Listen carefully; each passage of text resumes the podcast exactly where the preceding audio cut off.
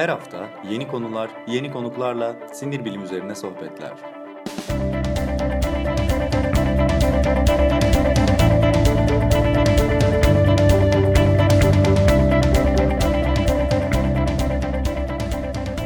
Neuroblog Podcast başlıyor.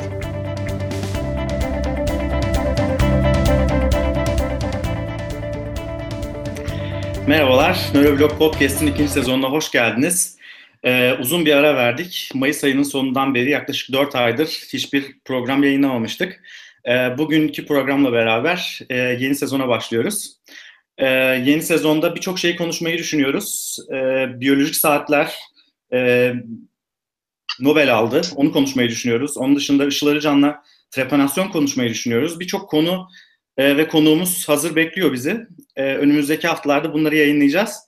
E, bugün de yine çok ilginç ve aslında nöroblog için e, oldukça alışılmadık bir konu konuşacağız ve bir konuğumuz var. E, Bilgenur Baloğlu e, konuğumuz. E, Bilgenur merhaba. Merhabalar. E, Bilge Singapur'dan bağlanıyor. E, Singapur'da doktora çalışmalarını devam ettiriyor. Hatta sonuna gelmiş durumda. Umarız ki Kasım ayında Doktor Bilgenur Baloğlu olarak hitap edeceğiz kendisine. E, Bilgenur'la bugün e, ilginç böcek davranışlarını, e, böceklerin böcek davranışlarının insan davranışlarıyla benzerliklerini e, konuşacağız. E, son olarak da tabii onun e, yine böcekler üzerine yaptığı doktora çalışmasından bahsedeceğiz.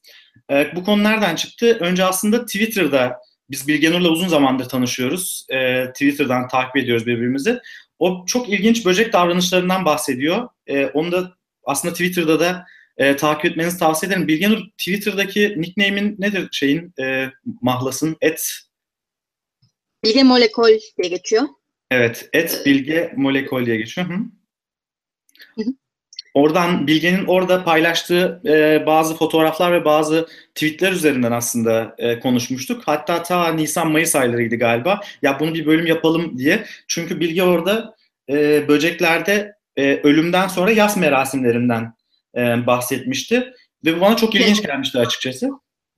E, yani o normalde insanlarda beklediğimiz davranışları böceklerde de görülmesi e, benim çok benim çok ilgincime gitmişti ve e, Bilge onun üzerine aslında daha birçok başka davranışı e, anlattı e, bana o şeyde, e, o tefrikada ve daha sonra tabii başkalarına da.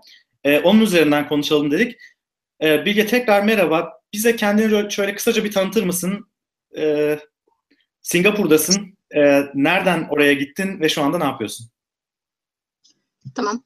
Ee, kısaca anlatmaya çalışayım. Ee, aslında İstanbul Teknik mezunuyum moleküler biyoloji genetik. Ee, daha sonrasında doktora başvuruları yaparken e, Singapur'a da başvurdum. Çünkü e, belki dinleyenler için yararlı bir bilgi olabilir. Tevsinga diye bir burs var. Türkiye Eğitim Vakfı'nın e, işte seçtiği Türkiye'de. Daha sonra Singapur'un sağladığı bir burs bu.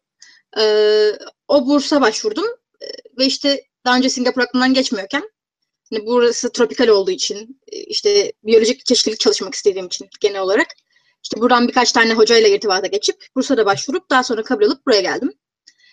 Dördüncü yılım e, işte Haziran gibi tezimi verdim. E, pardon Ağustos'un sonunda tezimi verdim. E, dolayısıyla o sürede bir yayın yapamadık beraber istiyordum ama e, birazcık geç oldu. Olsun sağ ol, olsun. Şimdi buradayız. İşte az önce sana da söylüyordum. Tezimin bugün işte yorumlarını alacaktım ama e, hocalarım böyle iki hafta daha ertelemiş. Evet. Öyle onları bekliyorum burada. E, Kasım gibi umarım tez savunmamı yapacağım. Daha sonra test savunmanı sağ salim atlattıktan sonra oradan e, Doktor Bilgenur Baloğlu olarak e, seni çıkarmış olacağız yani. E, şimdiden tebrik etmek lazım aslında. Çünkü bayağı zorlu zamanlar geçirdiğini ben görüyordum şeyden Twitter üzerinden. Evet. Yani doktora her türlü meşakkatli bir şey. Tatlı yanları da var ama tabii ki bayağı zorlu geçebiliyor. Yani psikolojik olarak bayağı zorlayabiliyor. Evet. Çoğu insan çok zorlu zamanlar e, yaşıyor gerçekten. E, onu kabul etmek lazım ama yani herkes de bir şekilde atlatıyor. E, sen de sonuna gelmişsin. Umarım sonunda da güzel biter.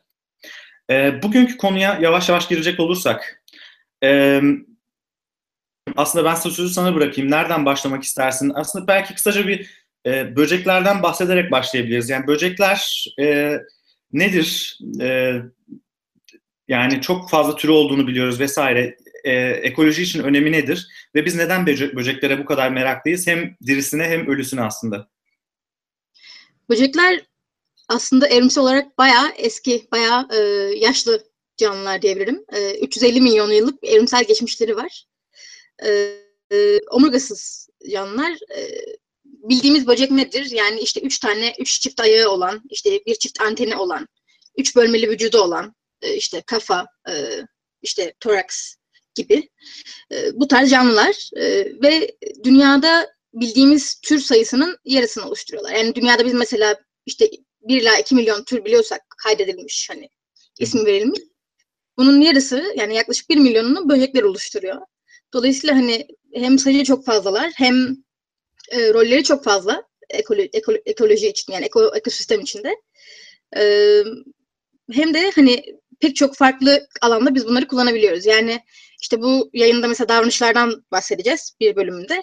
Onun dışında benim doktora konum aslında birazcık daha davranış dışında bir şey. Ben direkt ölü böceklerle çalıştığım için davranış gibi bir şey çalışamıyorum. Ama hani labdaki çalışmalardan çok ilginç işte çift, e, cinsel seçilim çalışmalarından falan bahsedeceğim yayında. Böcekler böyle canlılar, ilginç şeyler. Sen aslında böcekleri çalışan bir laboratuvardasın. Orada canlılarının çalışanlar da var, böcek davranış çalışanlar da var. Ama sen ölülerini çalışıyorsun, ölüleriyle ilgili e, bir takım şeyler yapıyorsun. E, anladığım kadarıyla doğru mu? Doğru. E, benim çalıştığım laboratuvar evrimsel biyoloji laboratuvarı. E, fakat bizim aynı zamanda böcek laboratuvarımız da var. Orada işte birkaç lab arkadaşım işte böcekleri e, büyütüyorlar. Yani işte larvadan e, normal ergin ve çeşitli davranışlarına bakıyorlar o sürede. Özellikle çiftleşme davranışlarıyla ilgileniyorlar. Hı hı. E, çünkü özellikle çalıştıkları bir grup sinek var. Sepsi sinekleri diye geçen. Bu sineklerde çok fazla biz cinsel seçilim özellikleri görüyoruz. Yani erkek bireylerinde özellikle e, aşırı ilginç cinsel karakterler görüyoruz. Mesela bir tanesi benim hep çok ilginç bulduğum. Böyle e, ön bacaklarında bu erkeklerin özellikle küçük böyle fırçacıklar var, kıllar var. O kılları dişiyi kıstırdıkları zaman işte dişinin karnına dokundurarak bir çeşit stimüle etme amaçlı hı hı. kullanıyorlar. Ee, onun dışında biz mesela laboratuvar toplantılarında genelde hep şey izlemişizdir. Ee, çeşitli çiftleşme videoları falan böyle hep beraber gülüp işte bunun üzerine muhabbet etmişizdir falan. Yani sizin, sizin Böyle o... hatta. evet. Yani o böcek davranışları üzerinden aslında yani hani tamam gülüyoruz ama çok ilginç e, çiftleşme davranışları var böceklerden anladığım kadarıyla. Bu bahsettiğim böcek mesela e, yani bir çeşit e, zorla cinsel e, cinsel, cinsel birleşme mi bu e, bahsettiğin şey yoksa dişiyi uyarmak açısı, e, için mi böyle bir şey yapıyor? Yani nasıl yani böceklerde de aslında ön sevişme gibi o tarz şeyler var. Dolayısıyla bu cinsel karakterleri hani çünkü bir saat iki saat falan sürebiliyor onların toplam cinsel birleşmesi. Ee, ve o sürede hani bu çeşitli karakterleri kullanarak hani vücudun belli farklı yerlerine uyararak yani bu şekilde zaten bir saat iki saat e, sürdürüyorlar. Hani öyle ilginç böcekler var. Hatta bir tane ekranımı paylaşıp gösterebilirim yani bir tane bir Peki. fotoğraf var elimde.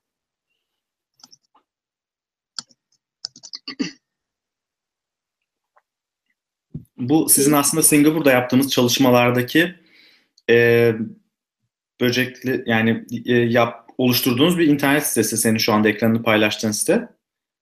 Bu şu an yok şu anda paylaştığım e, laboratuvarda bir arkadaşım sunum yaparken bir fotoğraf çekmiştim. Bu üstte Hı. gördüğünüz bir e, erkek birey, alttaki dişi. Erkek mesela şu anda e, işte bahsettiğim o fırçacık gibi ön bacaklarındaki kılları kullanıp dişinin karnına böyle vuruyor ve bu şekilde hani çiftleşme esnasında bir çeşit stimüle etmiş oluyor dişiyi. Hı hı. Ve bu video sonsuza kadar gidebiliyordu yani. Diğer... Bu aslında bir çeşit ön, ön sevişme ve daha sonrasında sevişme geliyor ve bayağı bir saat iki saat süren bir e, süreç bu. Yani böcekten böceğe değişiyor ama İnsanlar yani. değiştiği gibi böcekten böceğe de çiftleşme süresi bayağı onlarda erken boşalma, boşalamam falan var yani herhalde. O kısmına o kısmını bilmiyorum yani arkadaşıma sormam gerekiyor. Başka bir lab toplantısında bunu gündeme getirebiliriz diye düşünüyorum. Sor, sorabilirsin belki evet. yani cinsel davranışlar e, dışında aslında e, böceklerde e, ilginç insanlarla benzer bir takım kültürel davranışlar da var. Daha önce seninle yayından önce e, bahsettik hatta çok öncesinden konuşmuştuk. E, örneğin bir tarım örneği var. E, karıncalarda tarım insanlardan çok daha önce başlamış ve e, çok daha önce şey yapmışlar bu işe girişmişler. E, bunun... Biz mesela 12 bin yıl önceye dayanıyorsa bizim hani insanlardaki tırım e, aslında karıncalarda 60 milyon yıl önce kadar dayandığı bulundu. Çok Hı-hı. eski bir çalışma değil, yenice bir çalışma aslında. E, bu da şöyle, mesela e, böceklerde, özellikle karıncalarda çok fazla simbiyotik ilişki görüyoruz. Yani ikili ilişkiler var. E, bu ikili ilişkiler ya işte iki tarafın da yarar gördüğü olabilir. Ya bir tarafın yarar görüp bir tarafın hani bir karşılığı almadığı ilişkiler veya işte e, karşılıklı birbirlerine zarar verdikleri ilişkiler de olabilir. E, karıncalarda oldukça fazla hani iki tarafında yarar gördüğü ilişki var. İşte bu tarım örneği şöyle bir örnek. E, bu karıncalar bunlar e, yaprak kesen karıncalar diye geçiyor. Bunlar e, yuvalarında bir çeşit mantar, fungus, bir çeşit mantarı büyütüyorlar. Daha doğrusu o yaprakları biriktirdikleri, kestikleri yaprakları yuvalarına taşıyorlar ve e, kendi dışkılarını da kullanıp o ortamda hani bir mantarın üremesi için elverişli bir ortam hazırlamış oluyorlar. Gücü yaratıyorlar aslında değil mi? Yani kendi dışkıları artı e, içeriye taşıdıkları, dışarıdan içeriye taşıdıkları yapraklarla beraber ve onların belli bir nemde e, oluyor sonuçta yuvaları. O nemle beraber e, birleştik, birleştirdikleri zaman belli bir ortam yaratıyorlar orada ve o ortam içerisinde bir mantar büyütüyorlar. Bir mantar büyütüyorlar ve bu mantar daha sonra onlara besin kaynağı olarak da dönüyor. Hı hı. Ama dolayısıyla bir tanım yapmış oluyorlar aslında yani or, orada ve bu davranış aslında e, yine bununla ilgili yapılan çalışmada e, yani şey evrimsel DNA, evrimsel bir çalışmaydı. E, işte şey e, bu çeşit davranış gözlenen karıncalar ve gözlenmeyen karıncalar ve onların ortak atasına ulaşılan bir bilgiyle böyle bir makale ortaya çıkmış, çıktı. Ee, ve o makalede de işte bu davranışın, evrimsel davranışın 60 milyon yıl önceye kadar dayandığı bulundu. Hı hı. Böyle bir ilginç bir bilgi var mesela. Hani biz insanlarda bu çok daha yeni. Evet. Yani aslında. peki aslında böcekler şöyle bir ilginçlik de var. Yani böcekler dışında tarım yaptığını bildiğimiz herhangi başka bir e, yani insan dışında herhangi bir e, hayvan ya da başka bir tür biliyor muyuz? Sen biliyor musun? Yani benim aklıma gelmiyor açıkçası. Yani böcekler içinde hani karıncalar dışında termitlerde olduğunu biliyorum. Ee, Termitler de yapıyorlar, okey. Ama onun dışında şu anda benim de aklıma gelmedi yani hani bununla ilgili Termitler de yine ben, benzer şekilde mi yani işte yer altındaki yuvalarında mı e, bir takım şeyleri bir araya getirip tarım yapıyorlar? Yine termitler de mantar yetiştirebiliyorlar. Yani karıncalar gibi. Evet. Evet. Öyle e, onun dışında bir de şeyden bahsediyorduk aslında. İşte asıl e, bizim bu konuşmamızın ortaya çıktığı yer e, ölüm merasimleri ve işte e, bunlar üzerinden biraz e, bahsediyorduk. E, bunları biraz anlatır mısın aslında o şey üzerinden yani e, tweetin üzerinden çok ilginç bir şey, e, ilginç bir şeydi bu. Aslında ben orada şeyi paylaşmıştım hatırladığım kadarıyla. E, dişi Yusufçuklar, kız böcekleri diye de geçiyor Türkçesinde. E, Odanata e, takımından. Dişi Yusufçuklar e, aslında e, işte erkek onlara e, yaklaşmaya çalıştığında ölü taklidi yapabiliyorlar. Gibi böyle Hı-hı. bir yeni bir çalışma vardı. Ben de bununla ilgili bir link paylaşıp hani bununla ilgili bir yorum yapmıştım. Ee, daha sonra oradan başlamıştı yani olay. Hani e, nasıl ölü taklidi yapabiliyorlar? İşte ölü olduğunu nasıl anlayabiliyorlar? Hani e, ortamda hani belli bir kimyasal var mı? Aslında evet. Yani e, ölü taklidi yapınca tabii ki yayılan bir kimyasal yok.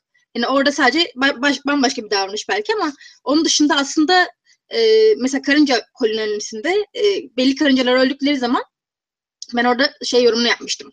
Hani nekromon diye bir feromon salgılanıyor. Feromonlar işte çeşitli moleküller. E, özellikle bu sosyal böceklerde çok fazla işte e, gözlemlenen, kaydedilen. Hı hı bu feromonları kullanarak mesela işte yiyecek buluyorlar sonra yiyeceklerin yiyecekleri bulduklarını iletişim kuruyorlar birbirlerine veya işte bu cenaze davranışı diye bahsettiğimiz şeyde. Aynı şekilde feromonlarla olan bir şey. E, fakat yeni okuduğum çalışmada şöyle bir şey gördüm. E, yani sadece nekromon yani hani ölümle ilgili olan o kimyasal molekül değil de aslında karıncalarda e, yaşamları boyunca hem yaşamı simgeleyen belli moleküller hem de ölümü simgeleyen belli moleküller bir arada. Fakat karınca öldüğü zaman e, o yaşamı e, yaşamı belirleyen moleküller aslında ya azalıyor ya degrade oluyor. Hı hı. Dolayısıyla hani bu şekilde anlayabiliyorlar aynı yuvanın içinde ölen karıncaların varlığını. Anladım. Diğer aslında, yaşayan karıncalar. Aslında ölümü belirten bir e, bir feromon salgılanmıyor ya da bir şey salgılanmasından ziyade yaşamı e, simgeleyenler, e, yaşamı yaşamı yaşamı gösterenler, yaşam belirtilerini gösterenler azalıyor gibi bir durum mu var? O, o şekilde aynen ve bunun ardından da e, işbirliği çok fazla olduğu için karınca kolonilerinde hemen e, bir grup davranışı oluşuyor. Ama bununla ilgili de aslında bir şey ben söylemek istiyorum. Yenice bir kitap okumuştum. E, Zeki sürü diye geçen Smart Swarm. E, onu daha sonra şeyinde paylaşırım. E, linkini çok etkilendiğim bir kitap. O kitapta mesela bu sosyal böceklerde, sosyal olan böceklerde e, işte merkezi olmayan bir bir e, sistemden bahsediyor. Yani mesela biz insanlarda işte bir patron vardır, bir lider vardır hani hani merkezi bir daire vardır. Fakat e, canlılarda özellikle sosyal olan böceklerde böyle bir sistem yok. E, ve böyle bir sistem Hı-hı. olmadan koordine bir şekilde hareket edebiliyorlar. İşte karınca kolonilerinde, termit kolonilerinde, işte e, yaban arıları vesaire, arılar. Bunu nasıl yapıyorlar? E, yani bundan da bahsedebiliriz. Onun dışında şey, e, bu sosyal ol, olan böceklerde hani e, aşırı bir şekilde bilginin paylaşımı da söz konusu. Mesela bununla ilgili çok ilginç bir bilgi gördüm kitapta. E, bütün grup bir anda etkileşime geçmiyor. Fakat küçük e, mesela bir karınca yine feromonlar yoluyla etrafındaki birkaç karıncaya o bilgiyi ulaştırabiliyor. Ama bütün karıncalar bunu yaptığı için hani o bilgi bir şekilde dağıtılabiliyor. Bu şekilde bütün bir grup grup içerisinde yani metrelerce belki e, kilometrelerce yayılabiliyor yayılabiliyor ama hani tek birinden direkt dalga dalga değil. Yani o birin diğerine ulaştırdığı için, o diğerinden başka birilerine gittiği için e, çok güzel bir şekilde hani toplamda grubun aşırı bir top, çoklu bir bilgi e, evet. bilgisi olabiliyor. Biraz radyo bayağı... sinyalleri ya da baz istasyonu gibi bir durum var yani ortada. Bir birinden birine gidiyor, o birinden başka birine gidiyor. Herkes bir şekilde bir alıcı ve verici olmuş oluyor bu sayede. Ee, bu şekilde yayılıyor.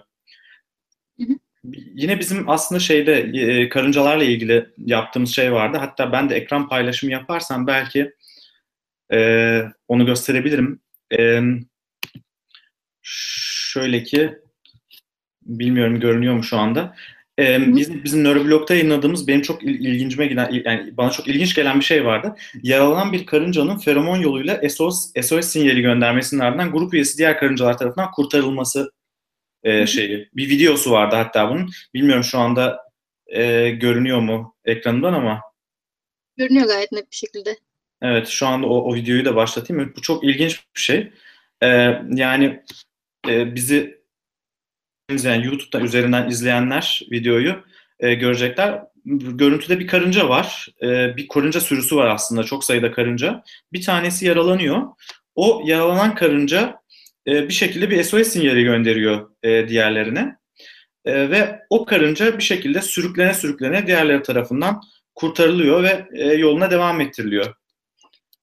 E, çok ilginç gelmişti bu da bana. Bu da aslında grup içerisindeki yardımlaşmayı e, ilginç bir şekilde gösteren e, bir durum karıncalarda. E, yani aslında bu, bu da şey çok ilginç bir şey. Yani bunun mantığını ben aslında uzun süre düşünmüştüm. Yani yaralanan bir karıncayı, bir grup üyesini e, orada bırakmak yerine kurtarmaya çalışmak evrimsel açıdan ne kadar avantajlı diye düşünüyor. İnsan sonuçta karıncalarda bizim bildiğimiz anlamda duygusal reaksiyonların olmadığını varsayıyoruz. Ama bir şekilde yaralanan arkadaşlarını ya da grup üyesini e, bir şekilde alıp kurtarıyorlar oradan. Evrimsel açıdan avantajı bir şekilde olmalı diye düşünüyor insan. Ee, ama bu da çok ilginç gelmişti mesela bana. Bunu da ama muhakkak yine herhalde feromonlar yoluyla, yine iletişim yoluyla yapıyorlar o e, yaralandığını bir şekilde. Ee, yani böceklerde zaten e, yüz yüze bir iletişim yok. Hani bunu sadece kimyasal, hani direkt olmayan iletişim kuruyorlar. Dolayısıyla yani gö- görsel anlamda çok gelişmiş bir görsel sistemleri falan da yok böceklerin değil mi? Yani aslında bir şeyleri yok yani. Yok aslında baktığımız zaman hani özellikle mikroskopta baktığımız zaman hani çok çözünürlüklü mikroskoplarda bakınca e, böceklerin e, mesela bazılarında çok sayıda göz olduğunu görebiliriz. Hani göz organı, görme organı. Yani aslında görsel olarak hani çok gelişmiş değiller diyemem. Ama e, yani özellikle bu sosyal böceklerde e, feromonlar yolu yani kimyasal iletişimin hı. çok gelişmiş olduğunu söyleyebiliriz bu, bu durumda. Aslında yanlış ifade ettim biraz. Yani böceklerden ziyade karıncalar demek istiyorum. Ya da en azından şu e, görüntüsünü izlediğimiz karıncalarda çok da sanki gelişmiş bir görme sistemi yokmuş gibi gö- geliyor insana e, bakıldığı zaman. Yani feromonlar çok daha fazla e, Bunlar sanırım daha baskın kurma anlamında. Çünkü zaten hani yüz yüze bir iletişim kurmuyorlar. Yüz yüze iletişim belki veya işte çok yakın iletişimi belki sadece hani e, savaşma davranışında e, işte savaşçı karıncalar bir arada yapıyor olabilirler. Çünkü mesela bir yuvayı başka bir koloni işgal etmeye çalıştığı zaman sonuçta orada bir savaş çıkıyor. Bu da yine bir insanlara benzetilebilecek bir, bir davranış hani karıncalarda gözlenen savaşçı davranışı.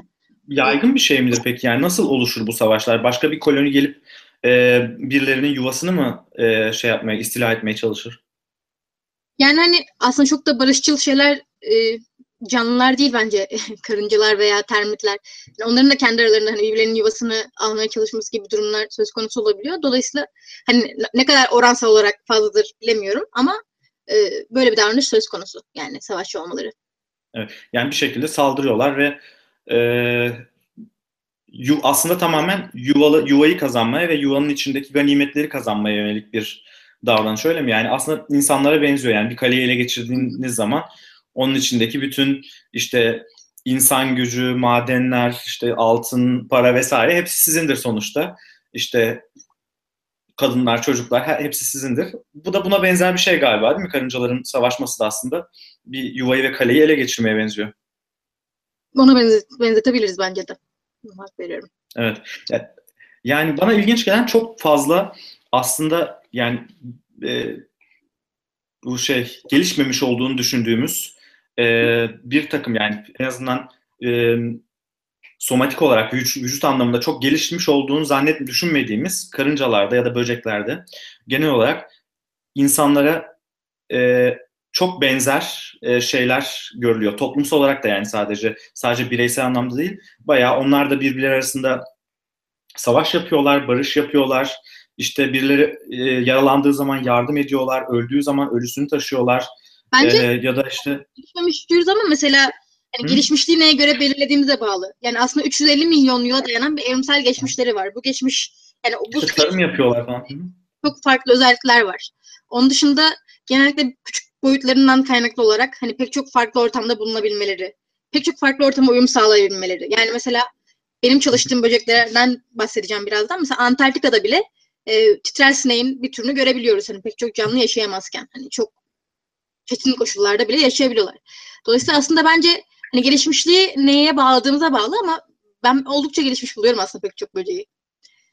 Evet doğru aslında biz şey gibi düşünüyoruz. Yani biz kendimiz dünyayı istila ettik ve yani biz her şeyi e, şey yapıyoruz gibi düşünüyoruz ama aslında olası bir felaket, doğa felaketi ya da işte dışarıdan gelen bir felaket durumunda işte uzaylı felaketi vesaire gibi bir şey durumunda e, böceklerin, karıncaların ya da böceklerin genel olarak e, ayakta kalması, yok olmaması ihtimali insanlardan çok daha yüksek sanki yani onlar daha, daha e, şey yaparlar gibi görünüyor. Yani muhtemelen işte radyasyona vesaire dayanıklı böcekler de çok fazla vardır ya da işte başka bir sürü çevre felaketi. Metallere dayanıklı, işte çeşitli başka kimyasallara dayanıklı.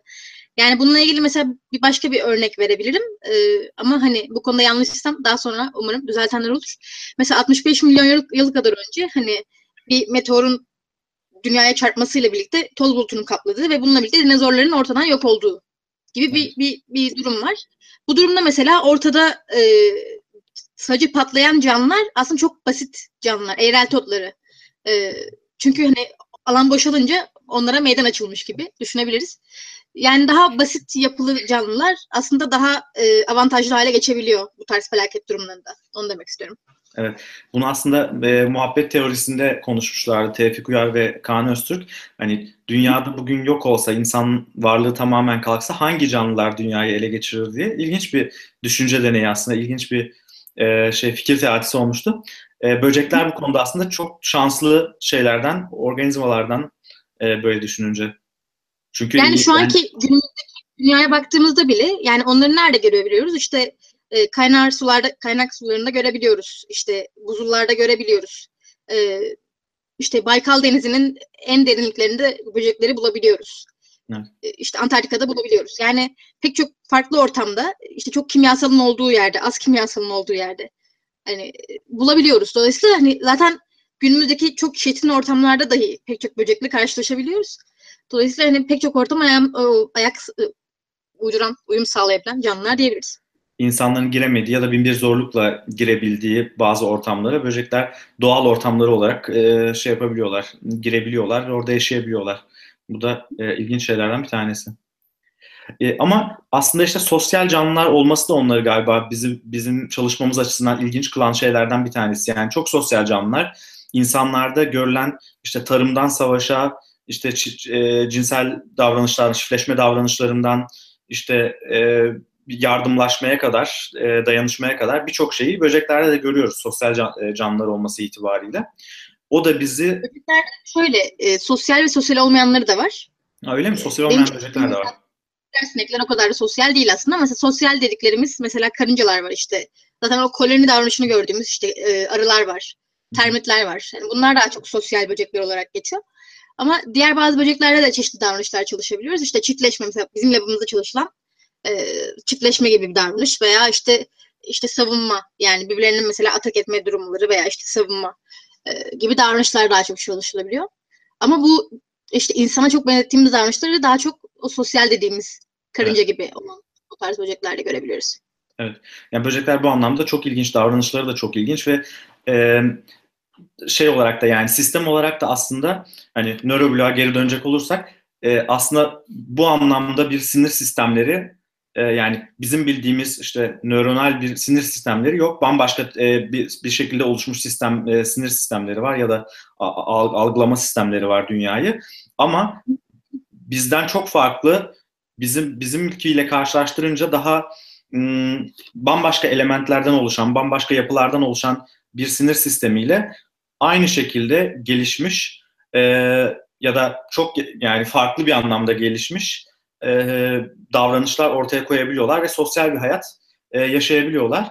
Aslında bunu başka bir tarafa aldığımız zaman e, yine böcekler ve insanlardan çok farklı yapı taşlarından, yapılardan oluşmuş, çok farklı elementlerden oluşmuş, belki elektronik aksamdan oluşmuş, işte çiplerden oluşmuş bir takım başka canlılar da önümüzdeki dönemde, gelecekte e, bizden farklı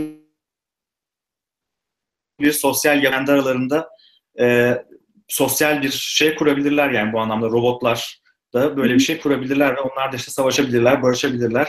İşte ya da farklı bir şekilde interaksiyon kurabilirler e, kendileriyle. Böcekleri ve insanları ve onların sosyal yapılarını düşündüğümüz zaman bu da e, ilginç bir sonuç aslında buradan varılabilecek.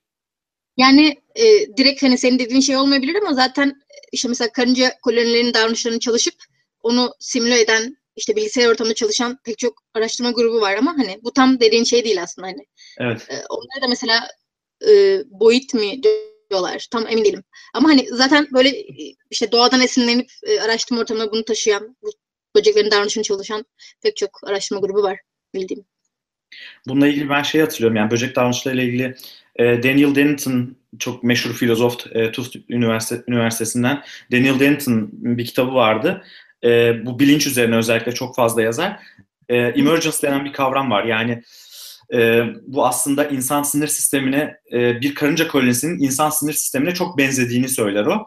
Şöyle ki e, bir böcek e, kolonisi belli bir sayı da eğer onları azaltırsanız yani daha doğrusu şöyle belli bir yere belli bir sayıda böcek böcek koyarsanız eğer işte 3 tane, 5 tane, 10 15 tane onlar kendi kendilerine yetebilecek derecede çalışamıyorlar. E, bir koloni kuramıyorlar. Ama bu sayı belli bir e, şeyi sayıyı geçerse bazı koşullar altında bir bakıyorsunuz birden çalışmaya başlıyor böcek kolonisi ve hakikaten burada orada apayrı bir koloni kuruluyor. Ee, işte tarım da yapmaya başlıyorlar ya da işte bir besin bulmaya başlıyorlar. Hakikaten çalışan bir yapı haline geliyor bu. Ee, insan sinir sistemi için de aslında benzer şey geçerli. Teker teker baktığın zaman karıncalara karıncanın hiçbir özelliği onu şey yapmaz yani hani bir önemli bir şey yapmaz yani ama binlerce karınca bir araya geldiği zaman çok karmaşık sosyal ilişkilerin bulunduğu, çok karmaşık bir toplumsal yapı ortaya çıkar. Aslında e, insan sinir sistemi de böyle ya da beyin de böyle. İşte milyarlarca nöronun her birisine teker teker içine baksanız aslında hiçbiri e, tek başına e, bir duygu oluşturabilecek ya da bir düşünce çıkarabilecek güçte ya da özellikte şeyler değil, e, yapılar değillerdir. Ama milyonlarca, milyarlarcası bir araya geldiği zaman ilginç bir şekilde emerge eder. Aynen öyle. Duygular emerge eder, düşünceler emerge eder. E, ortaya çıkar yani emerge eder ortaya çıkar. E, buna aslında beyni karınca kolonisine ya da karınca kolonisini beyne benzetiyordu bu. Bu da benim yıllar öncesinde okuduğum bir kitapta e, kitaptan aklımda kalmış e, ilginç şeylerden bir tanesi. E, hem insanların sosyal yaşamlarının karıncalarla benzerliği var hem insan beyninin ve sinir sisteminin karınca kolonileriyle e, ilginç bir şekilde bir benzerliği var. Ama aslında hep yaşayan şeylerden bahsettik. Biz e, böceklerin sadece e, yaşayanların değil ölülerini de çok seviyoruz aslında insanlar olarak. E, son zamanlarda Avrupa'da Avrupa'da Amerika'da falan çok fazla şey besin olarak da tüketiliyor tüketilmeye başlandı işte bu e, hatta en son seninle galiba Twitter'da görmüştün şeyle evet. e, böcek burger falan işte hamburger gibi böcek burger falan yapmışlardı. E, bu ayrı bir konu Ben tabii yani şey için. Bu- Avrupa'dakiler şanslı gerçekten. yani. evet, evet bu ilginç bir konu gerçekten. Çünkü hakikaten e, bir yandan vegan vejeteryan hareket e, giderek e, kendini kabul ettiriyor. Bir yandan insanlar e, hayvanlara karşı daha e, şey olmak istiyorlar. E, ne denir? Daha adil davranmak istiyorlar ve bunun sonu eninde sonunda daha az e, kırmızı özellikle kırmızı et tüketmeye gidiyor. Sağlık açısından da o, o yöne doğru gidiyor. Böcekler alternatif bir e, besin kaynağı, protein kaynağı olarak e, Böyle bir not düşmüştüm mesela onu Hı. paylaşabilirim. Çok ilginç bir bilgi bence. Ee, şeyde Afrika'daki bazı termitler, şey Zimbabwe ve Angola'daki hı hı. 100 gramından 600 kalori yağ eldesi edili, e, Elde mümkün ediliyor. ve e, protein de protein de e, sağlamak mümkün. Yani hakikaten e, çok bence uzak vadede değil. Yani zaten Asya'nın pek çok yerinde e, normal besin kaynağı olarak tüketiliyor. Ben de buradayken ilk denemiştim birkaç değişik Nasıl şeyler. lezzetli çekir- yani çok hani bildiğimiz lezzete benzemiyor. Yani bir et tadı tabii ki almıyoruz. Niye et tadına benzetiyorsam yani. Başka Bunu- bir şey deniyorum sonuçta. Şey, şey çok ilginç. Ne zaman böyle e- enteresan bir şey e, sorulsa böyle ya şu şunun lezzeti nasıldı falan, böcek nasıldı işte şu nasıldı bu nasıldı dediğinde şey herkes tavuk etine benziyordu falan gibi bir geyik vardır burada. Hakikaten böcek de tavuk etine benziyor mu? Hiç benzemiyor. Ee, benzemiyor. bence ya orada tadını şu an, şu an çok hatırlamıyorum ama benim aklımda kalan onun böyle o dokusu. Yani böyle bütün gün ağzımda tanecikler var gibi hissetmiştim mesela. Çünkü bir çekirgenin yavrusunu yemiştim. Ee, işte yav, yani larva gibi olan bir halini yemiştim. Ee, ve böyle bütün gün hani şey gibi aslında bir O çeşit çerez gibi. an- Annesinin bedduasını almışsın belki de o yüzden aslında bütün gün şeyler gibi çalışsın. diyebiliriz aslında yani hani doku olarak çerez gibi hani çerez gibi yenilebilir gerçekten de ama e, böyle şey yani o kitin tabakası galiba hani ağzımda kalan şey E, çok hoş bir his, his değildi. O yüzden hani bir daha çekirgeyi denemem diye düşünüyorum ama mesela karınca denemek istiyorum yani hani aklımda var. Evet. Ben de o yani hamburger şekline getirdikleri bayağı şeye benziyor. Ee, dışarıdan bakınca sanki böyle e, schnitzel falan gibi bir şeye benziyor. Çünkü dışarısına da galiba sanıyorum işte o pane harcından falan bir takım bir, bir şey yapmışlar. Bir e, kap yapmışlar. Hiç fena değil ya. Güzel görünüyordu yani açıkçası. Bulursam hiç affetmem denerim gibi geliyor bana. Ama bulursam tabii. Hayır. Bakmak lazım. Ama öte yandan tabii biz bunu konuştuk ama buradan şeye bağlamak istiyordum. Sen de aslında böceklerin ölüleriyle çalıştın kendi doktora çalışmanda. Ee, ondan da bize biraz bahsedersen seviniriz. Umarım çok abartmam çünkü hani ayrı bir ayrı bir sevgi var burada. Çok seviyorsun doktora çalışmanı değil mi? İnsan fark ediyor hemen. Benim çalıştıklarım titrer sinekler. Ee, yani şey e, işte bu kanat yani bir çeşit sinek aslında. Ee, bunlar da dünyada türce çok zengin böcek çeşitleri arasında, ailesi arasında. Yaklaşık dünyada bildiğimiz 15 bin tür var. Ama ben doktora çalışmamda aslında bu 15 binin çok az olduğunu birazcık gösterdim sanırım. Ondan birazcık bahsedeceğim. Ben sadece Singapur için çalışıyorum. Yani Singapur içindeki titrer sinek ailesini çalışıyorum. Ee, olay da şu, e, çok kısa bir şekilde Singapur'dan belki bahsetmem gerekir. Hani projeme bağlayabilmek için. Singapur hani Yalova kadar bir boyutta e, ve Ankara kadar nüfuslu, yani 5,5 milyon nüfuslu bir küçük bir tek şehirden oluşan bir devlet. E, ve do- dolayısıyla doğal kaynağı yok. Aslında bir ada devlet. E, Malezya'ya köprüyle falan geçebiliyoruz direkt. Hı hı. Belediye otobüsüyle geçebiliyoruz. E, yok. E, doğal kaynakları. Dolayısıyla mesela suyunu bir kısmını Malezya'dan satın alıyor.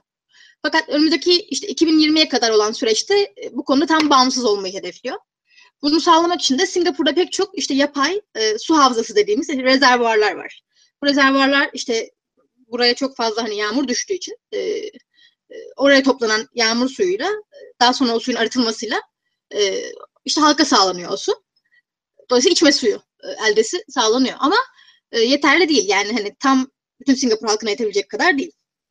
Fakat işte buradaki devlet su işleri e, yani Türkiye'dekinin eşleniği Hı hı. e, burada çok önem veriyor hani o suyun temizliğine, kalitesine.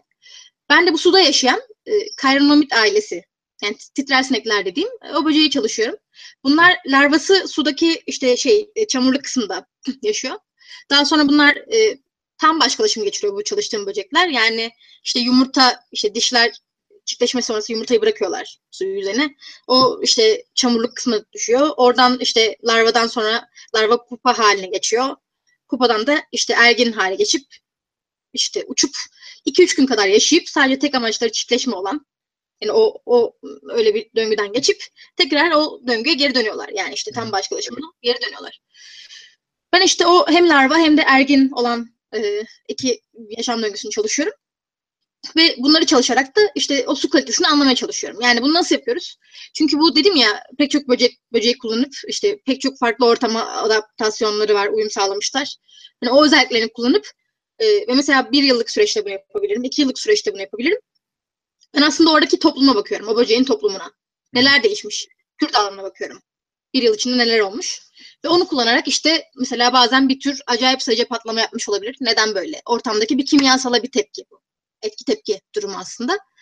E, bunu kullanarak e, oradan bir bilgi çıkarıyorum ve bunu işte buranın devlet su işlerine iletiyorum.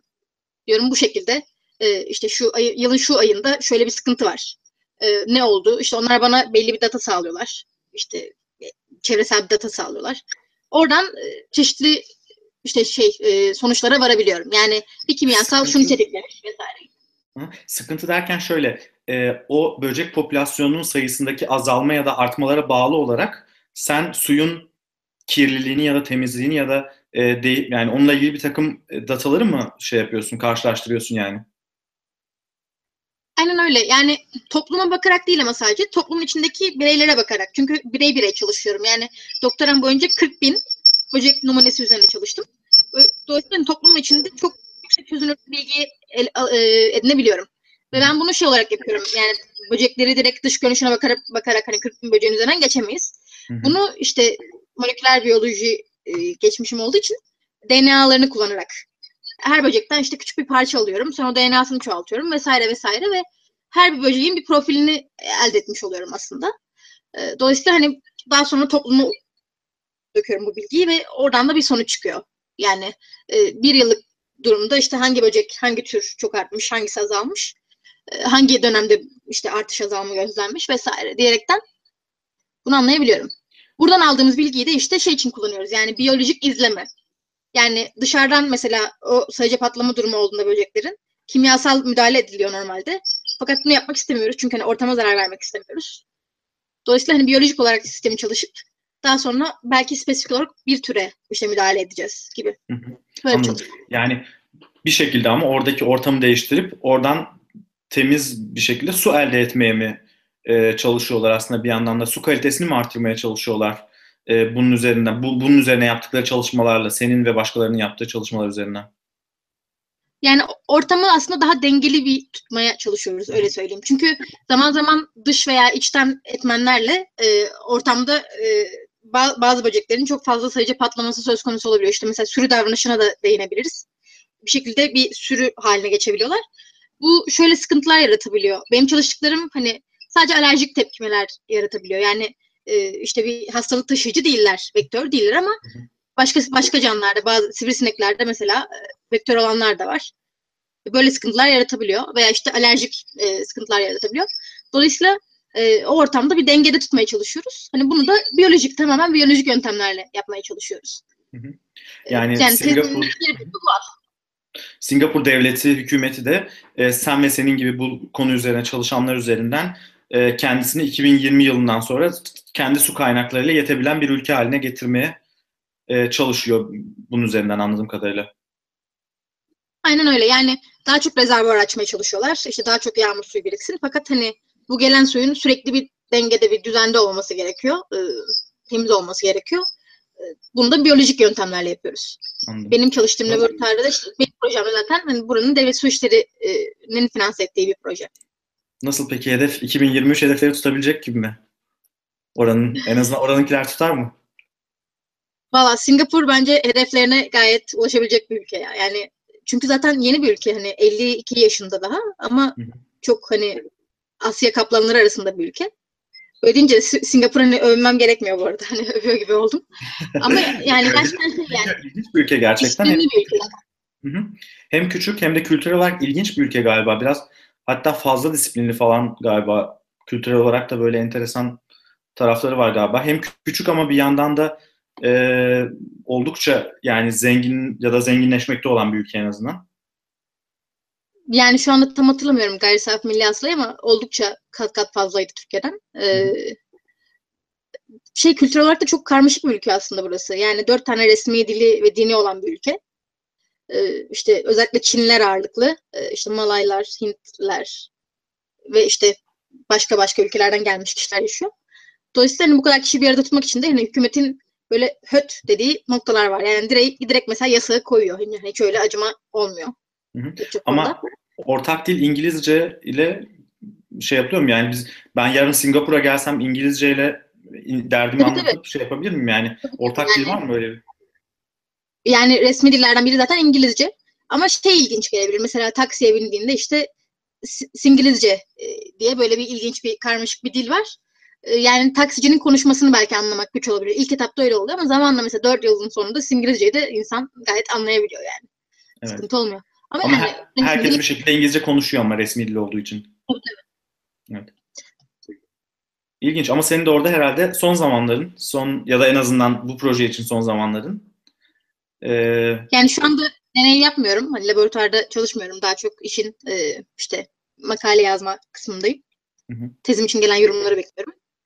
E, yani son iki ayım falan diyebilirim Singapur'daki. oradan da güzel makaleler çıkacaktır eminim. Ee, senin haline yazılacak güzel çalışmalar eminim çıkıyordur oradan da. Aslında bu az önce bahsettiğim e, doktoramın bir ayağıydı ama benim esas ilgimi çeken yani en çok sevdiğim hani burada çalıştığım konu şöyle bir şeydi. E, İşte yine böcek çeşitliliğinden bahsed- bahsediyorduk ya genel olarak hani oraya bağlayabilirim belki. Singapur'da böyle çok küçük kalmış işte tek kişi kalmış bir tane e, bataklık ormanı var. Yani bu Singapur'un gelişmesinden bu yana ki 18. yüzyıldan bu yana yüzde birlik kalmış bir alan. Bu bataklık ormanında işte çeşitli e, ağaçlar var ve böyle küçük e, birik, birikmiş ve birikinti sular var. Fakat bu sular asidik. Yani asit, yani şey pH olarak bayağı 5 civarı işte Hı hı. e, sular E, ve burada işte ben yeni bir yaptığım çalışmayla bu yine titrer sinekleri çalışarak e, yaklaşık 400 tane tür keşfi yaptık. E, fakat bu 400 tane türden keşifledim zaten. Çoğu yeni. Yani literatürde olmayan türler. Fakat bunu çalışmamız yani onları tek tek literatüre kazandırmamız böyle herhalde bir 100 yılı falan bulacak. Çünkü genelde e, morfoloji çalışan hocalar, taksonomistler e, birazcık yavaş çalışabiliyorlar. Yani işin moleküler kısmının güzelliği burada aslında. Hani daha hızlı bir şekilde o bilgiye biz ulaşabiliyoruz. daha da fazla yeni türler çıkarsa eğer e, birkaç tanesini en azından işte ne bileyim isimlendirirken falan bize torpil yapsalar işte Türkiye ile ilgili falan bir şeyler koysak sonra da seni e, Sabah gazetesine Türk genç bilim insanından büyük keşif falan yeni keşfine Türkiye ismini koydu falan gibi bir haberle manşet manşetleri alsak fena olmaz aslında. Yani sabah gazetesine öyle çıkmak fena olmaz evet ama bilmiyorum bakalım o kısmına ben dahil olamayacağım çünkü muhtemelen hani bu bunu yapacak olan hoca Avustralya'da böyle emekli olmuş. Bir türlü getiremiyoruz onu falan. O Hmm. kısım olacak mı ondan da emin değilim ama işin güzelliği şu yani hani böyle bataklık ormanında normalde hani ortam koşullarının e, pek çok canlı için belki zor olduğu bir ortamda, asidik suyun olduğu bir ortamda 400 kadar bir arada yaşayabilen ama böyle şey mikro habitatlarda yaşayabilen yani çok da bir arada değiller aslında. Böylece acayip bir çeşitlilik gözlemleyebiliyoruz. Böyle bir çalışma yaptım. Şimdi onun makalesini işte e, göndereceğim dergiye. Canlandırdı. Çünkü aslında Güneydoğu Asya'ya baktığımız zaman aslında büyük bir rakam ve genel olarak titrer sineklerin dünyadaki işte dedim ya 15 bin tane tür biliyoruz. Buna baktığımız zaman zaman da hani çok aslında bu rakamın ne kadar birazcık yalan olduğunu da e, yani aslında çok küçük bir alanda 5 hektarlık bir alanda 400 tane aynı aileden bir tür hani muhtemelen dünya genelinde Dünya genelinde çok daha var. Evet. neler neler var. Biz sadece Öyle çok küçük yani. bir kısmını e, bilebiliyoruz. Peki ya çok teşekkürler. Çok güzel anlattın bize e, böceklerle ilgili. Aslında Neuroblog Podcast için çok da böyle alışık olmadığımız e, ilginç bir konu ama yani ilginç de insanlarla ilgili ilginç bir yerlere bağlanıyor. E, başka ekleyeceğim bir şey varsa onları ekleyebilirsin. E, var mı Başka dışında ekleyeceğim- söylemek istediğin bir şey? Aslında var. Yani yine böceklerle ilgili e, hani şey vardır ya çocukken özellikle çok duymuşuzdur. E, işte Ağustos böceği karınca hikayesi. Hı, evet. Küçük bir hikaye duyarak aslında büyüdük. Aslında orada e, birazcık eksik bir bilgi var. Yani Ağustos böceği karınca hikayesinde. Çünkü Ağustos böcekleri aslında 13 ila 17 yıllık döngülerle e, aslında e, nasıl söyleyeyim e, işte nimf halinden onlar tam başkalaşım geçirmiyorlar. Yani işte yumurta, larva, pupa ergin değil de işte nimften ergin hale geçiyorlar ve o süre 13 ya da 17 yıl sürebiliyor. O kadar süre içinde toprağın altındalar aslında. Yani 13 yıllık bir süre sonrasında ergin hale geçip işte ağacın üzerine çıkıp daha sonra o Ağustos genelde ayında duyduğumuz o sesleri çıkarıyorlar. Fakat bunu sadece 4 hafta gibi bir sürede yapıyorlar. Çünkü zaten Dolayısıyla hani biz hep şey diye öğrendik ya onu hani karıncalar ne güzel çalıştı etti. E, Kış boyunca işte e, çalışkanlıkları sayesinde rahat rahat yaşayacaklar ama Ağustos böcekleri vah tüh falan diyoruz ama aslında öyle değil. Ağustos böcekleri e, aslında zaten ölüyorlar yani hani kışı geçirmiyorlar. Zaten kışı geçirmedikleri için de kış için bir şey biriktirmelerine gerek yok. Onlar yani işte o gitar çalıp e, dans etmeye, ses çıkarmaya, şa- şarkı türkü söylemeye devam edebilirler yani. o Olmaların anlamda. da sebebi yani hani bir zahmet çıkarsınlar çiftleşecekler yani hani o çiftleşme çağrısı. Evet. Hani onu da yapmazlarsa bir 13 yıllık bir döngüleri Evet. olamayacak hani sonrasında nesillerini aktaramayacaklar. Öyle ilginç. e, O zaman hakikaten çok büyük haksızlık, çok ta- ta- tarihi bir haksızlığa da burada son vermiş olduk bence. Ya biz dinleyenler için yani merhaba karıncalar tamam çalış- evet çalışsınlar karıncalar yani çalış bir şey demiyoruz karıncaları seviyoruz sevdiğimiz böceklerdendir ama, Ama Ağustos böceklerine de kimse laf etmesin lütfen laf etmeyiz yani. Aynen öyle. Çok, çok güzelmiş. İlginç bir hikayemiş bu. Bunu bilmiyordum gerçekten. Ee, demek ki Ağustos böceklerini bundan sonra savunacağız yani. Ağustos böcekleri bizden. Peki çok teşekkürler. Çok sağ ol. Ee, bizim için çok yani ilginç bir şey oldu. Neuroblog podcast'i dinleyenler için de benim için de çok ilginç bir sohbet oldu. Ee, umarım bundan sonraki çalışmalarında da Singapur'da ya da Singapur sonrası sonrasında da e, hep güzel şeyler seni bekler. Doktor Bilge Nurbaloğlu olarak Kasım ayından itibaren. Teşekkür ederim. Peki kendine iyi bak. Görüşmek üzere. Görüşürüz. Her hafta yeni konular, yeni konuklarla sinir bilim üzerine sohbetler.